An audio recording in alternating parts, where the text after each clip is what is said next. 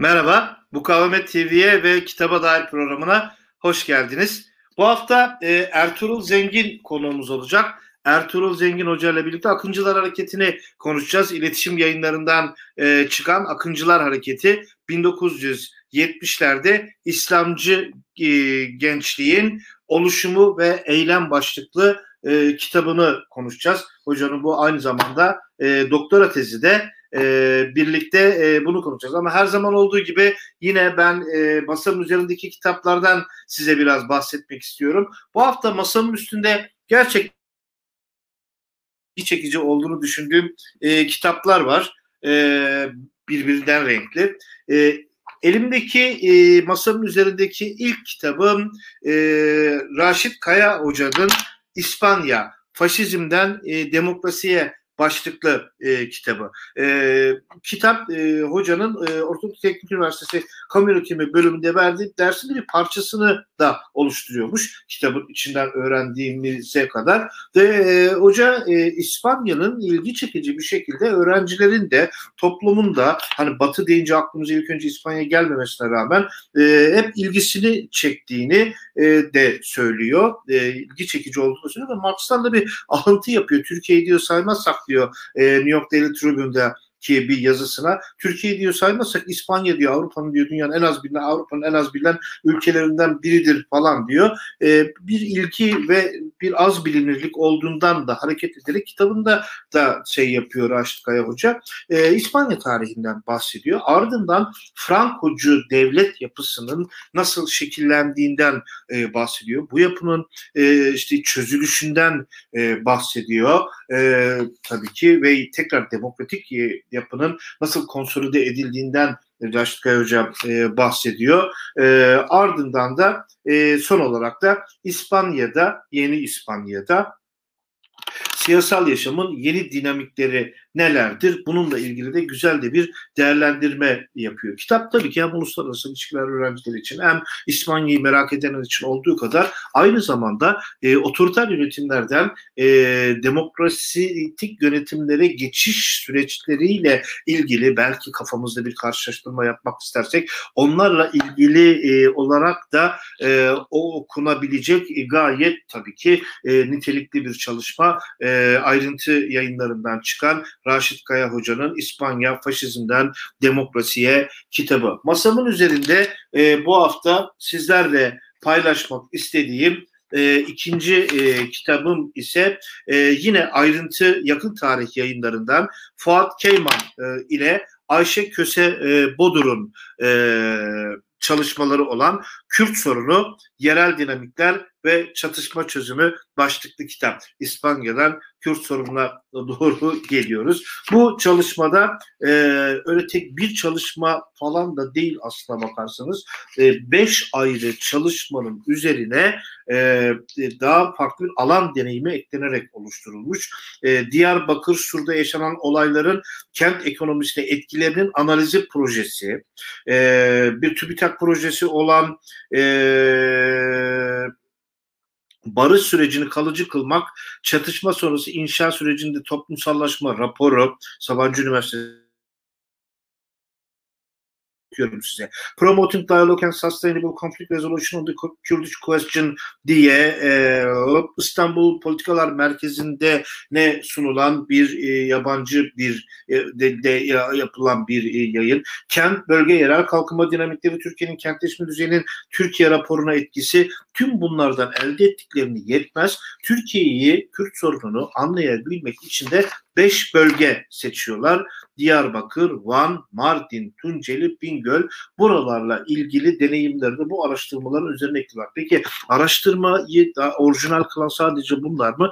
Değil. E, bu, bu Kürt sorunundaki kentleşme dinamiklerini ve bölgeselleşme dinamiklerini ni de işin içerisine katıyorlar. Çünkü gerek barış sürecinin başlaması, gerek barış sürecinin kesintiye uğraması ile Suriye e, sorunu arasında bir alaka, bir ilişki de görüyorlar ve tabii ki çok doğru olarak Fuat Keyman Hoca ve Ayşe e, Köse Badur hanımefendi e, artık Kürt sorununu Şeyh Said İslam dönemindeki gibi, efendim Koçgiri dönemindeki gibi falan, e, Dersim'deki gibi değil artık kent kentli, kentlileşmiş bir Kürt sorunu olduğunu ve bunun kentleşme düşünülmeden de ele alınamayacağını falan da söylüyorlar ki kitabı gerçekten benim gözümde çok e, farklı bir bakış açısı haline getiren de e, bu yönü oldu. E, hem e, Kürt sorunu ile ilgilenenler için hem kentleşme, Kürt sorunu, e, yerel deneyimler ile ilgili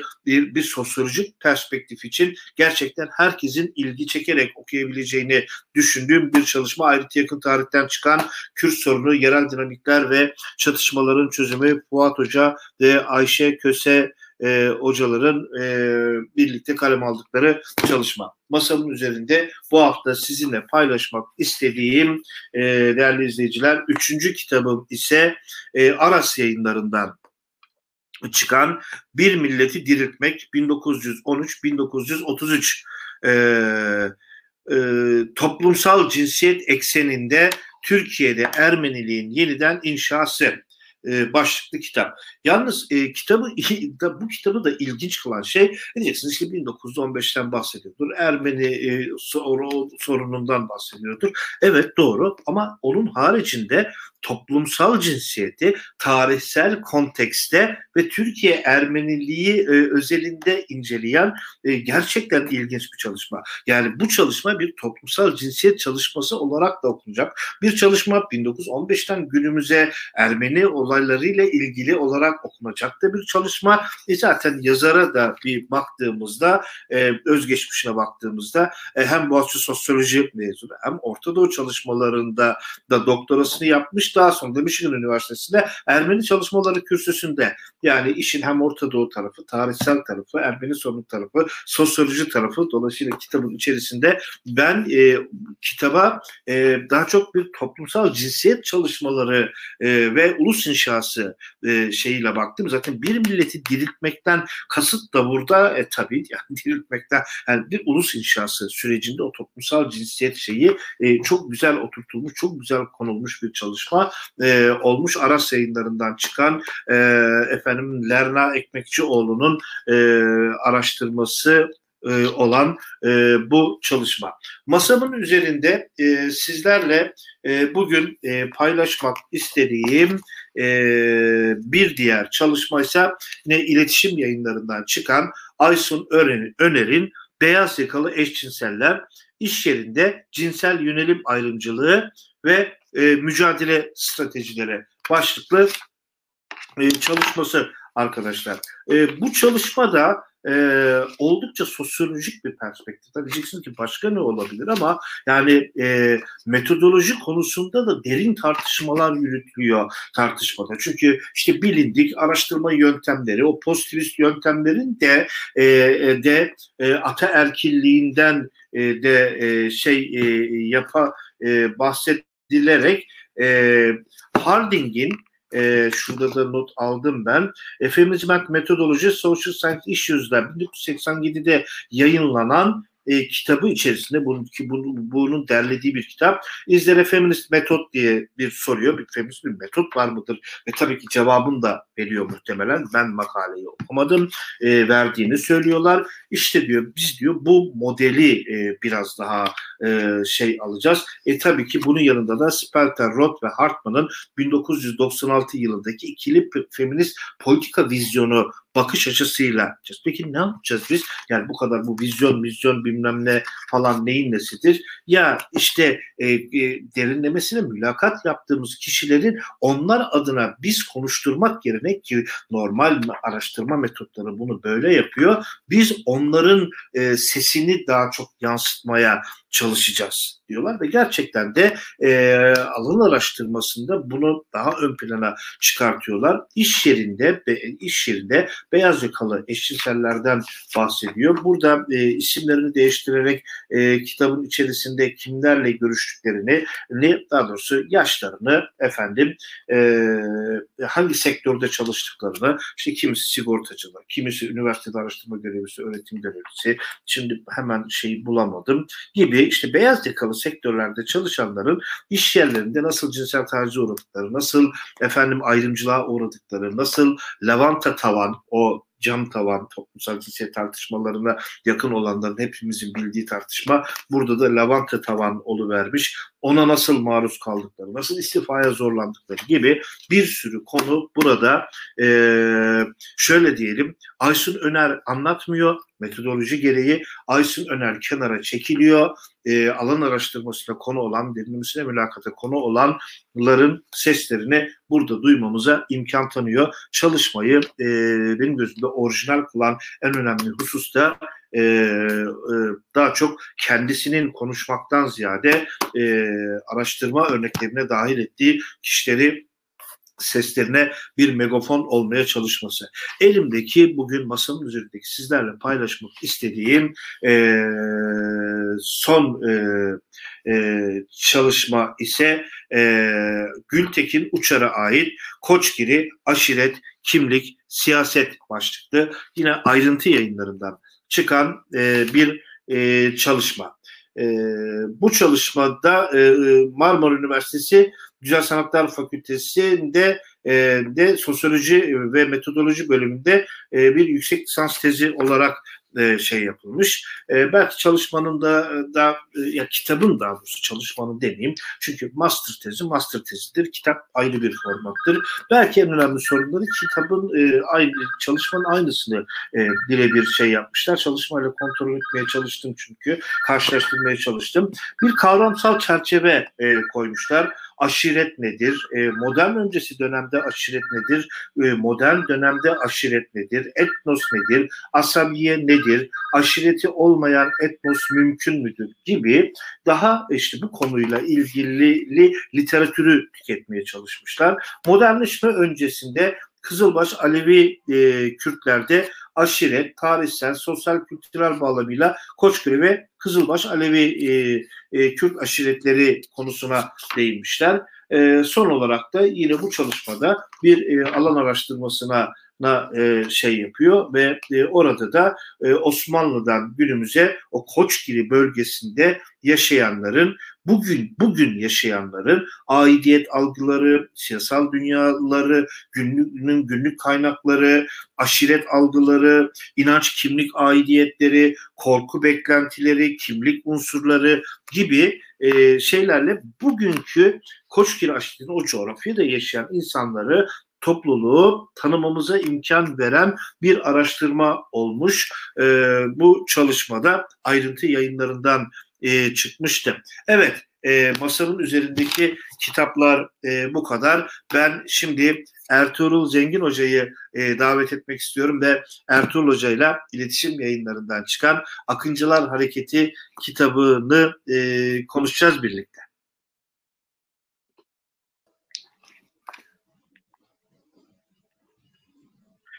Hocam hoş geldin. Hoş bulduk. Sağ olun. ee, e, e, sen yayına bağlanmadan önce ben e, kitabından çok minicik bahsettim. İletişim yayınlarından çıkan e, senin de bir doktora tezin, yüksek lisans tezin de Boğaziçi Üniversitesi'nde de Satı Bey üzerine e, yaptığım bir çalışma. E, The Political and Social Thoughts of Satı Bey diye yapmışsın. Bir e, Osmanlı yurtseverinin e, e, portresini çizmeye çalışıyorsun yüksek lisans tezinde de. Yüksek lisans tezine de elimden geldiğince gözetmeye çalıştım.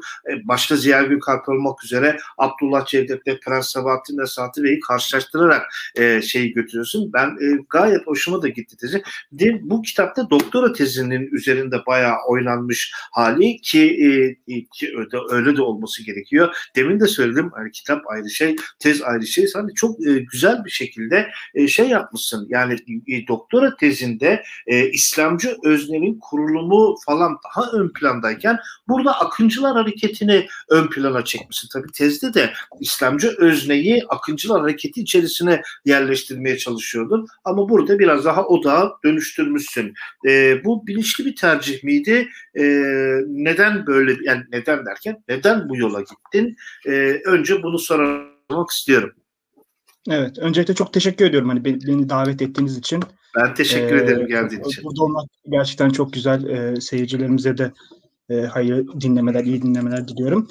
E, öncelikle tabii e, şöyle e, doktor tezi benim 2017 senesinde bitmişti. E, kitabın basımı 2021'i e, buldu. E, oradaki tabii dört yıl içerisinde e, aslında tabii dört yıl tamamı tabii ki e, tez üzerine çalışmak mutlaka geçmedi ama zaman zaman e, döndüğüm ve e, tez, tezde bazı yapamadığım, e, bazı koyamadığım şeyleri tekrar e, koymak istediğim bir e, dönem oldu açıkçası kitaplaştırma dönemi. Bazı mesela röportajlarımı daha fazla değerlendirmek istedim. Yine bu süreçte tabii Tanıl Hoca ile, Tanıl Bora Hoca ile bir editoryal bir e, sürecimiz oldu.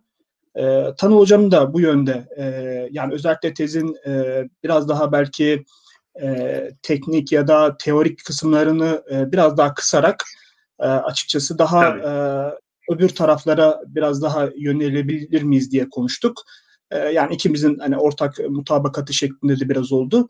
E, o şekilde hani süreç gelişti. Ben orada biraz daha e, kitap okuyucusuna oradaki e, ne diyelim e, akıncıları daha fazla daha fazla akıncılar görmelerini belki e, istemiş oldum. E, bu şekilde e, bu şekilde süreç sonlanmış oldu. Çok da iyi etmişsin. Ee, şimdi Türkiye'de İslamcılığın entelektüel kökenlerini tartıştığın e, gayet e, e, uzun da bir dipnotun da var. E, orada sen e, İslamcılığı muhafazakar milliyetçilik içerisinde neden ele aldığını anlatıyorsun. İşte o İslamcılık, milliyetçilik e, e, şeyi o birbirlerine nasıl tahvil oldukları tamam diyorsun bu böyledir. Ama aynı zamanda İslamcılığı Türk sahanının kültürel tahkimatı olarak görülen düşüncelere eyvallah demekle birlikte İslamcılığı milliyetçi muhafazakarlıkla örtüşen tek tezahürünün bu olmadığını da da e, belirtiyorsun ve e, şöyle de bir şey var. E,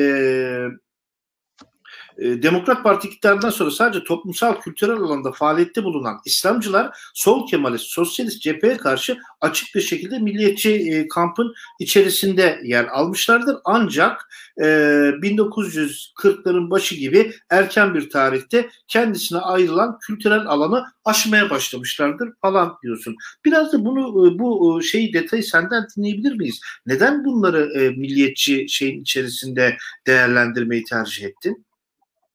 Evet, e, teşekkür ederim. Yani benim tezimin e, veya kitabımın daha doğrusu önemli meselelerinden veya yapmak istediğim katkılardan bir açıkçası e, bu mevzu teorik olarak da.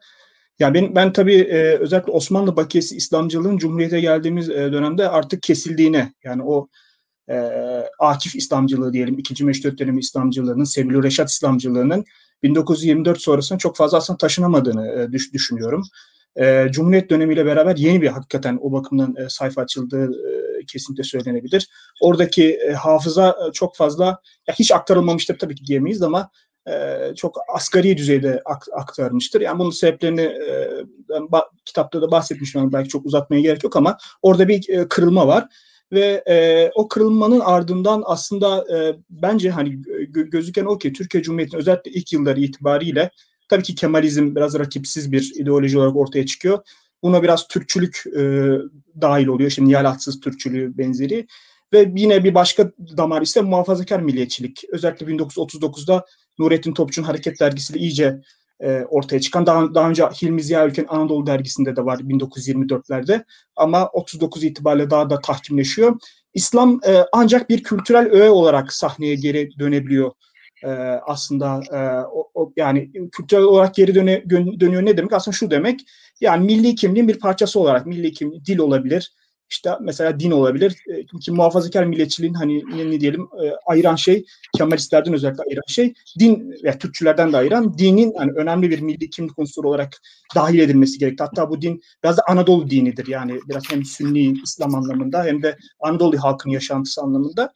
E, İslamcılık tam da İslamcının hikayesi tam da burada bu, bu e, muhafazakar milliyetçilik içinde gelişmesi hep onunla bir gerilim içerisinde bir taraftan olması ama bir taraftan da e, ondan beslenmesi yani ondan kopmaması hiçbir zaman belki tam olarak kop yani hiçbir zaman demeyelim çok marjinal kopuşlar hariç yani tarihsel ölçekte baktığımızda marjinal kopuşlar e, hariç e, genel olarak e, hep bir yani nasıl diyelim hep bir e, e, kardeş mücadelesi gibi aslında İslamcılık o muhafazakar milliyetçilik içerisinden çıkmaya çalışıyor bir tarafıyla. Bazen daha fazla kavgalı oluyor ki benim araştırdığım dönem öyle bir dönem.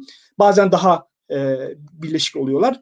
E, e, bu şekilde yani İslamcılık daha ziyade işte Necip Fazıl'la beraber başlayan daha yani İslam e, bir rejim şeyi olarak yani devletin kimliği, kişiliği olarak İslam düşüncesi nizam nizama rengini veren e, olgu olarak veya belirleyen olarak İslam daha 40'lardan sonra geliyor ki 60'lardan 70'lere kadar aşama aşama gelişerek e, devam edecek. İslamcılığın bu daha ideolojik çizgisi. Peki bu sizin çalışmanın da ana omurgasını oluşturan zaten kitabın adı da o. Akıncılar Derneği ve hareketi ne zaman ete kemiğe bürünüyor ve İslamcı düşünce içerisinde onu nereye yerleştirebiliriz? Akıncılar e, aslında tabii gençlik hareketi olarak Akıncılar e, aslında Akıncılar Derneği ile başlıyor demek e, 76'dır Akıncılar Derneği'nin kuruluşu ama daha ziyade MTTB'nin e, bir İslamcı gençlik hareketinin ortaya çıkması MTTB içerisinde e, mümkün olacak. 1969 e, senesi orada milat olarak e, alınıyor. Genel tarih yazımı. Milli Türk Talebe Birliği yani MTTB. Tabii Milli Türk Talebe Birliği. Evet.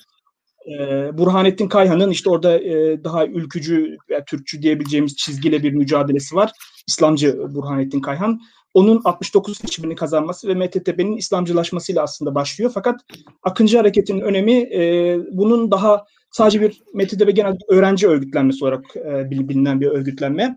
E, Akıncıların önemi ise e, e, bunu sadece öğrenci olarak değil, işte e, işçiler, köylüler mümkünse işte bütün halka yaymak gibi veya mahallelere yaymak gibi, sokaklara yaymak gibi e, bir e, misyonu var Akıncıların 76'dan itibaren ki tabii ki 77 77'lerden sonra 78'lerden sonra iyice Akıncı hareketi önem kazanacak.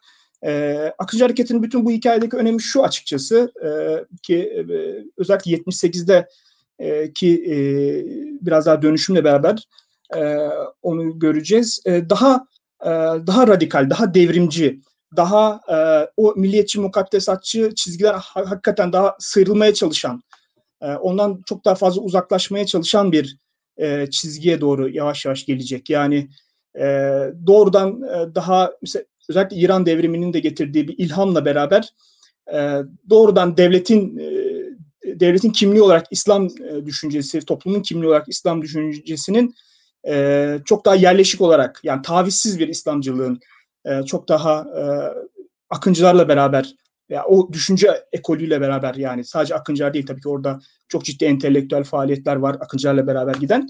E, burada daha ortaya çıktığını görüyoruz. Yani 78-80 arasında daha fazla bir yoğunlaşma olduğunu ve bu yoğunlaşma içerisinde e, çok daha çok daha devrimci bir e, tav tavra doğru gitmeye çalıştığını, tabii bunu ne kadar gerçekleştirebilmiştir, ne kadar gerçekleştirememiştir, eksiler, artılar ne olmuştur bunlar tabii ki konuşulabilir ama e, en azından o daha sağcı tırnak içinde e, diyelim o kabuktan çıkarak daha ideolojik bir İslamcılık işte e, ne diyelim Seyyid Kutupların, Mevdudilerin daha evrensel e, ümmetçi İslamcılığın çizgisine e, oturduğunu e, görüyoruz. E, siz e, hocam e, şey bu dönemin İslamcılığını İkinci Dünya Savaşı sonrasının İslamcılığından da oldukça e, kopuk olduğunu ve e, birbirlerinden e, e, sanıldığından daha az beslendiğini de e, söylüyorsunuz. Bir iki cümlede e, buna değinmemiz mümkün olabilir mi? Ee, iki, tam anlayayım bir kere daha şey yapar mısınız? Ee, Yani bu e, Mehmet Akifler döneminin, Hı, daha ha, önceki dönemin evet. falan İslamcılığı ile e, sizin araştırmanızın konusunu oluşturan dönemin İslamcılığın arasında e, çok birbirlerinden beslenmedikleri, birbirlerinden beslenmedik derken tabii öncesindeki dönemden beslenmediğini e, ne söylüyorsunuz ya da daha düşük olduğunu söylüyorsunuz. E, neden böyle bir e, daha az bir beslenme oluyor? Aradaki uzun kopukluk sebebiyle falan mı? Tarihsel kopukluk sebebiyle midir? E, tabii tarihsel kopukluk var. E, yani şöyle e, ikinci meşrutiyet İslamcılığı açıkçası daha farklı bir İslamcılık. Yani imparatorluk İslamcılığı çok daha e, ne diyelim e, epistemolojik İttihad bir da var. da var değil mi onun içerisinde yani? Tabii yani o, o da var. E, aynen. E, aslında ümmetçi o bakımdan e, kesinlikle. Ee, yani orada e, ki mesele biraz şu yani Akifler o Sebil Reşat işte mesela Cemalettin Afgani'dir esas bunların en e, evet. hocası diyelim hoca olarak alabileceğimiz. Yani daha mesela akılla İslam İslam'ı e, kaynaklarını birleştirmek yani daha yeni bir ok, kaynakları okuma biçimi e, o, yapmak işte bilime bilime ve teknolojiye yeni bir açılım e, getirmek meseleleri e, çok daha böyle e, hem daha teknik meseleler bir açıdan daha entelektüel meseleler e, ve e, daha ziyade nasıl diyelim İslam'ın niye batıdan İslam batıdan neden geliyor? Renan'ın meşhur sorusuna cevap. Yani İslam batıdan geri mi geride mi kaldı? E, bu soruya cevap ve geri kalmadığını ispat etmek veya geri kaldıysa da bu, bu aradaki farkı nasıl e, çözüleceği me, me, meselesine odaklı e, bir İslamcılık. Fakat e, şeyle beraber, e, Cumhuriyet'le beraber tabii bambaşka bir e, hikaye açılıyor. Yani ve bu bunu evet, öngörmek kim, kimse tarafından mümkün değil açıkçası. Burada ilginç bir şekilde belki bir anekdot olarak söyleyebilirim. Said Halim Paşa'nın tam 24'lerde bir metni var bu e, bu meselelerle ilgili. Fakat o metin bile çok sonra mesela çevrilmiştir. Yani şey e, Fransızca yazdığı bir metindir o. Çok sonra Türkiye'deki okuyucuya gelmiştir. Orada mesela yeni kurulacak devletin İslami temelde kurulması gerektiğini söyler ve bunu söylerken de mesela halife halifeden vazgeçerek bunu söyler. Mesela halife değil de bir İslam devleti başkanı üzerinden giden bir mesela bir teklifi vardır ama bu teklif asla yeni kuşaklara e, ulaşamıyor kısa vadede. E, bunun çok sebebi var. Yani e, o bir kere ya bir Mehmet Akif'i, Babanzade Ahmet Naimi gibi yani işte e, Mustafa Sabri yani bu, bu isimleri bırakın hani şey Cumhuriyet'in iki, ya bugün bugün bile okumak aslında kol, kolay değil. Yani şey metinler gayet e, teknik metinler, zor metinler yani bunları takip etmek ama bu şu demek değil. Mesela Mehmet Akif'in bir ilham boyutu var. Mesela Safahat falan biliniyor mutlaka ama yani e, burada buradaki hikayeyi kuran kişi e, bence Necip Fazıl entelektüel olarak. Yani e, kurucularından biri diyelim. Ağır kurucularından biri. İkinci damarda tercümelerle gelecek. Yani daha e, Türkiye halkına seslenen, Anadolu'ya seslenen bir İslami damar. E, buradaki mesele özellikle Kemalizme işte karşı olmak üzerinden giden işte vesaire. Yani buradaki meseleye daha odaklı bir şey e, bir sonraki nesille gelecek ki bu bir sonraki neslin e, Akif'le falan ilişkisi çok daha şey, e, çok daha zayıf bir ilişki açıkçası. E şimdi hocam siz e, e, Akıncılar Hareketi'ni kendi içinde tasnif ederken e, birinci dönem e, diye bir tasnif ediyorsunuz. Sonra pasif dönem ve aktif mücadele dönemi diye tasnif ediyorsunuz. Yani ilk sorum şu, bu isimlendirme size mi ait? Yoksa e, e, Akıncılar Hareketi'nin aktörleri de mi böyle düşünüyorlar? İkincisi e, neden yani bu, bu böyle bir tasnifi yaparken e, ne tür bir kırılmayı esas aldınız? Evet. E şöyle isimlendirme bana ait tamamen. E, benim e, koyduğum isimler. E, neden bu isimleri koydum? Yani öncelikle bir kuruluş dönemi var. Yani 76'da Ocak'ta kurulduğu andan itibaren bir e, ne diyelim e, bir örgütlenme süreci var. Yani 76-77 biraz bu örgütlenmeyle yeni hafif hafif arayışlarla gidiyor. Ha, burada hiçbir şey yapılmıyor mu? Çeşitli eylemlilikler gene var, çeşitli yürüyüşler, çeşitli gösteriler gene var ama yani e, çok yoğun denemez. Daha çok e, dernek açmak, işte mahallelerde, semtlerde, illerde dernek açmak daha, önemli. Daha çok yay, yaygınlaşmak daha önemli. E, fakat aşama aşama açıkçası e, iş tabii büyüyecek. İş kemikleşmeye başlayacak. Teşkilatlanma halledildikten sonra o ilk kurumsallaşma geçtikten sonra ve tabii ki genel siyasi e, atmosfer itibariyle de böyle. E, çünkü e, özellikle işte milliyetçi cephe hükümetleri var 75'te 76'da hatta 77'de var. İkinci milliyetçi cephe var. Fakat e, e, hareketin de e, yani Milli Görüş Hareketi'nin genel olarak tabii ki İslamcı Hareket'in e, partisinin bir taraftan muhalefete düşmesi, bir taraftan İran'ın yavaş yavaş alevlen, Afganistan'ın alevlenmeye başlaması, oradan gelen etkiler. E, burada e, önce Düşünce dergisi daha sonra da Şura dergisiyle beraber daha radikal, daha böyle e, daha devrimci bir e, o dil dilin daha işte devleti belki dönüştürmek üzerinden giden bir e, dilin daha çok e, gelmesi, daha köktenci bir dilin gelmesi, e, bütün bunların birleşmesi, genel siyasi atmosferin e, de tabii ki e, ağırlaşmasıyla beraber yani şiddet olaylarının işte anarşi vesaire olan ifadelerle artmasıyla e, beraber e, bir şey var. Bir mücadeleye girmek gerekiyor. Bu mücadele çok uzun süre pasif gö- götürülmeye çalış. Pasif ne demek? Aslında pasif şu demek. Daha ziyade kendini korumaya çalışan. Yani dışarıda bir şiddet var, işte bir şiddete uğrama meselesi var. Biz burada nasıl kendimizi e, muhafaza edebiliriz? Nasıl kendimizi koruyabiliriz üzerinden giden bir şey. İşte bu korumayı ya bu koruma hiç hiçbir şiddete bulaşmamak mümkünse belki bulaşmamak ama bulaşırsan bile asgari şekilde bulaşmak şeklinde genelde tezahür ediyor. Aktif mücadele ise e, artık 79'dan sonra hani tabiri caizse mızrak çuvala sığmıyor. Çünkü şey e, tabandan da gelen bir şey var. Yani tabandan gelen bir baskı var açıkçası. E, yani taban taban ne demek? Yani işte özellikle gençler. Gençler artık çok fazla yani çok fazla Erbakan'la dinlemek istemiyorlar. Çok fazla parti falan da çok dinlemek yani istemiyorlar derken yani isteyeni var istemiyor ama istemeyenler yavaş yavaş ortaya çıkmaya başlıyor. Ve bunlar başka daha alternatif, daha daha işte başka bir şey arıyorlar. Yani İran benzeri belki. Belki işte İhvan-ı Müslim'in benzeri daha başka bir şey arıyorlar. Daha sivil belki bir taraftan. Yani parti üzerinden değil de daha sivil bir e, halk üzerinden giden işte belki toplumun bir kesimi üzerinden giden bir hareketlenme arayışında içerisindeler. E, bunların da baskısıyla beraber Akıncılar Derneği yönetimi aslında muhafazakar bir yönetimdir genel itibariyle. Genelde pasifize etmek e, daha yatkındır. Yani çok e, şiddete işte bulaşmayalım mantığı daha hakim olmakla beraber e, buradaki artık oluşan biriken enerjiyi konsolide edebilmek için çok fazla bu dönemde mitingler yapıldı ve yürüyüşler düzenlendiğini görürüz. İşte çok kısa sürede 7-8 tane miting düzenleniyor ki çok ciddi katılımlarla Sakarya, Tatvan, Of, Yozgat, işte Kayseri gibi e, çok ciddi bir miting e, şeyi ortaya çıkıyor. Yani e, miting eylemi ortaya çıkıyor. En önemlisi Sakarya'dır bu arada.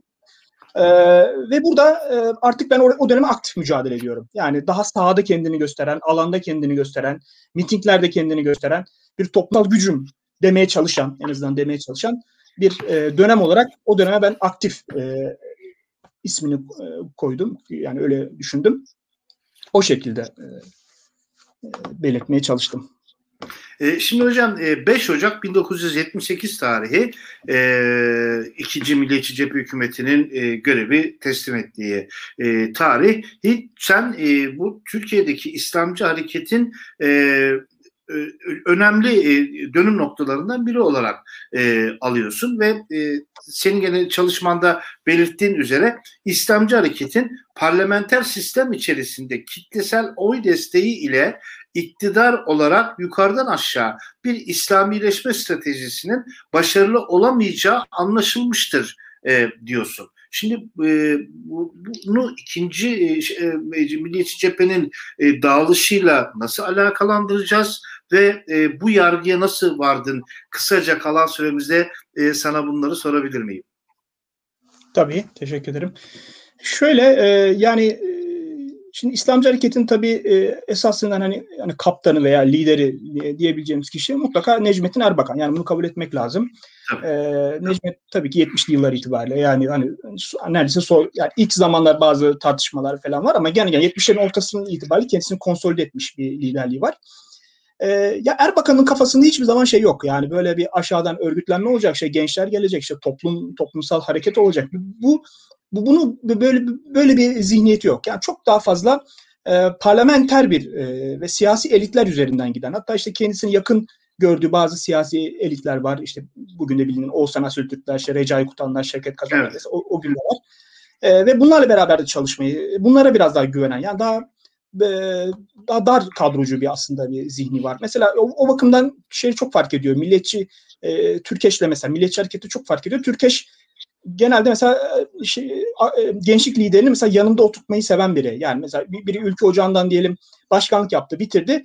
Genelde Türkeş'in yan, sağ yanına oturup işte parti genel başkan yardımcılığı alabiliyor. Yani böyle bir ne diyelim hiyerarşi var ve böyle bir part, partiyle gençliği e, meczetme e, düşüncesi var. Evet. Erbakan Erbakan için partisi çok e, kıymetli. Yani çok partiyi çok böyle e, şeyle karıştırmak istemiyor. Yani gençlik vesaire yani böyle çok hani e, bu konuda çok muhafazakar biri. E, şimdi 78'de ne oluyor derseniz 78'de tabii ki muhalefete düşmek o güne kadar söylenen şuydu. Ya biz iktidar olacağız. İktidar olduk mu? İşte imam hatipleri açacağız, işte ahlak dersleri koyacağız, işte e, örgütleneceğiz, işte TRT Nevzat Yalçıntaş geliyor. Yani ör, işte, e, ne diyor kadrolaşma yapacağız. Bütün bu, bu, bu böyle bir şey vardı. Paket vardı açıkçası. Yani böyle bir e, iddia buydu. Fakat özellikle 77 seçimleri tabii önce 77 seçimleri büyük bir darbe indirir bu hikaye. Çünkü 77 seçimlerinde oy artışı beklenirken oy düşmesi yaşanmıştır. Ertuğrul ee, Hocam sözünü keseceğim ama ne olur kusuruma bakma. Şey değil, bir şey sor, sormak istiyorum. Yani e, tabii kesin bir cevap vermek de çok zor olacak ama ya Erbakan'ın ki e, yani gençliğe duyulan tedirginliğe e, gençlikten nefret etmesi falan filan ya da gençliğe güvenmemesinden ziyade kapatılma e, şeyi olabilir mi? Yani ya gençliğe şimdi inisiyatif verdiğimiz anda yapacakları bir yanlış partinin kapatılmasına sebep olacaktır. Aksine MHP'de böyle bir şey yok. Yani o hani her şekilde rejimin e, tolere ettiği bir e, tırnak içinde şımarıklığa hep sahip olduğu için belki yani o şeyi yani gençlik istediğini yapsın gibi bir şey de diyebilir miyiz bilmiyorum yani. Hani Erbakan'ın tedirginliği sanki biraz da anlaşılır gibi mi? Sana sorayım istedim. Kusura bakma sözünü de böldüm ama. Yok estağfurullah. Ee, ya bu var tabii dediğiniz şey var mutlaka. Ee, ama e, yani Erbakan'ın genel e, yani siyaset yapma e, mesela 78'den sonra falan ama mesela daha e, şey daha e, ya o da artık e, mesela e, artık burada bir gençlik var e, şeyi e, onda, onda da o his onda da gelmeye başlıyor. Değerlendirelim hissi gelmeye başlıyor mesela. E, yani normal şartlarda e, ya dediğiniz tabii ki doğru. Mesela bu şeyde de yaşanıyor aslında. MHP'de de mesela bir yerden sonra işte ya bu gençlerin hareketleri acaba bizim parlamenter mücadelemizi sekteye mi uğratıyor diyen MHP'li vekiller de yani bu, bu, bu böyle bir durum var ama yani genel olarak Erbakan'ın Türkeş farkını ortaya koyarsak Erbakan e, yani daha sonraki siyasi hareketinde düşünürsek Erbakan'ın e, öncesiyle sonrasıyla çok böyle gençleri e, yani mesela daha ara formüller bulabilirdi. Yani tam gençleri gene kollayabilir ama mesela bazı önemli isimleri partinin üst kademelerinde mesela görsek bunun önünde çok bir engel olmaz. Hatta belki gençleri daha da iyi e, konsolide edip ya daha da iyi e, kendi koltuğu altına alabilirdi mesela. Böyle şeyler de pek yapmıyor. Yani ve mesela şey de çok karışmıyor bu arada onu da söyleyelim. Mesela Akıncı Derneği Genel Başkanlığı kim o falan. Ya bunlar bunlara da çok e, karışmıyor. Genelde ya çocuklar şiddete bulaşmayalım. İşte tebliğ yapalım. Tebliğ iyidir. İşte İslamiyet'i yayalım gibi. Yani böyle çok soft bir şey var. Yani tamam siz şiddete karışmayın ama gelin benim yanımda bak benim yanımda boş. Gelin hadi bak böyle bir alttan bir örgütlenelim. İşte bütün Anadolu'ya falan böyle böyle bir böyle bir şey yok. Yani hani illa şiddete düşmekle yani ikisi böyle çok dikotomik değil bence. Yani çok ar- arada bir şey e, öyle bir şey niyet ettiğini pek görmüyoruz. Yani bir ara formüle de pek e, niyet etmiyor. Ama dediğinizde de haklısınız. Yani böyle bir baskı var. E, hatta bu söyleniyor da. Yani işte çocuklar hani böyle bir şey çok yapmayın bu bizim başımıza patlar gibi. E, bu hani bir taraftan da çok e, söyleniyor açıkçası. E, yani bir tarafı öyle ama bir tarafı da Erbakan'ın e, ne diyelim siyaset yapma tarzıyla da ilişkili olduğunu ben düşünüyorum. Peki e, hocam e, son soru ve e, konuklarımıza hep e, sorduğumuz soruyla bitirmek istiyorum. E, bundan sonra e, Ertuğrul Zengin okuyucuları hangi çalışmanızı e, okuyacaklar, hangi kitabınızı ya da çalışmanızı ellerine alacaklar diye sorarak bitirmek istiyorum. Evet, teşekkür ederim.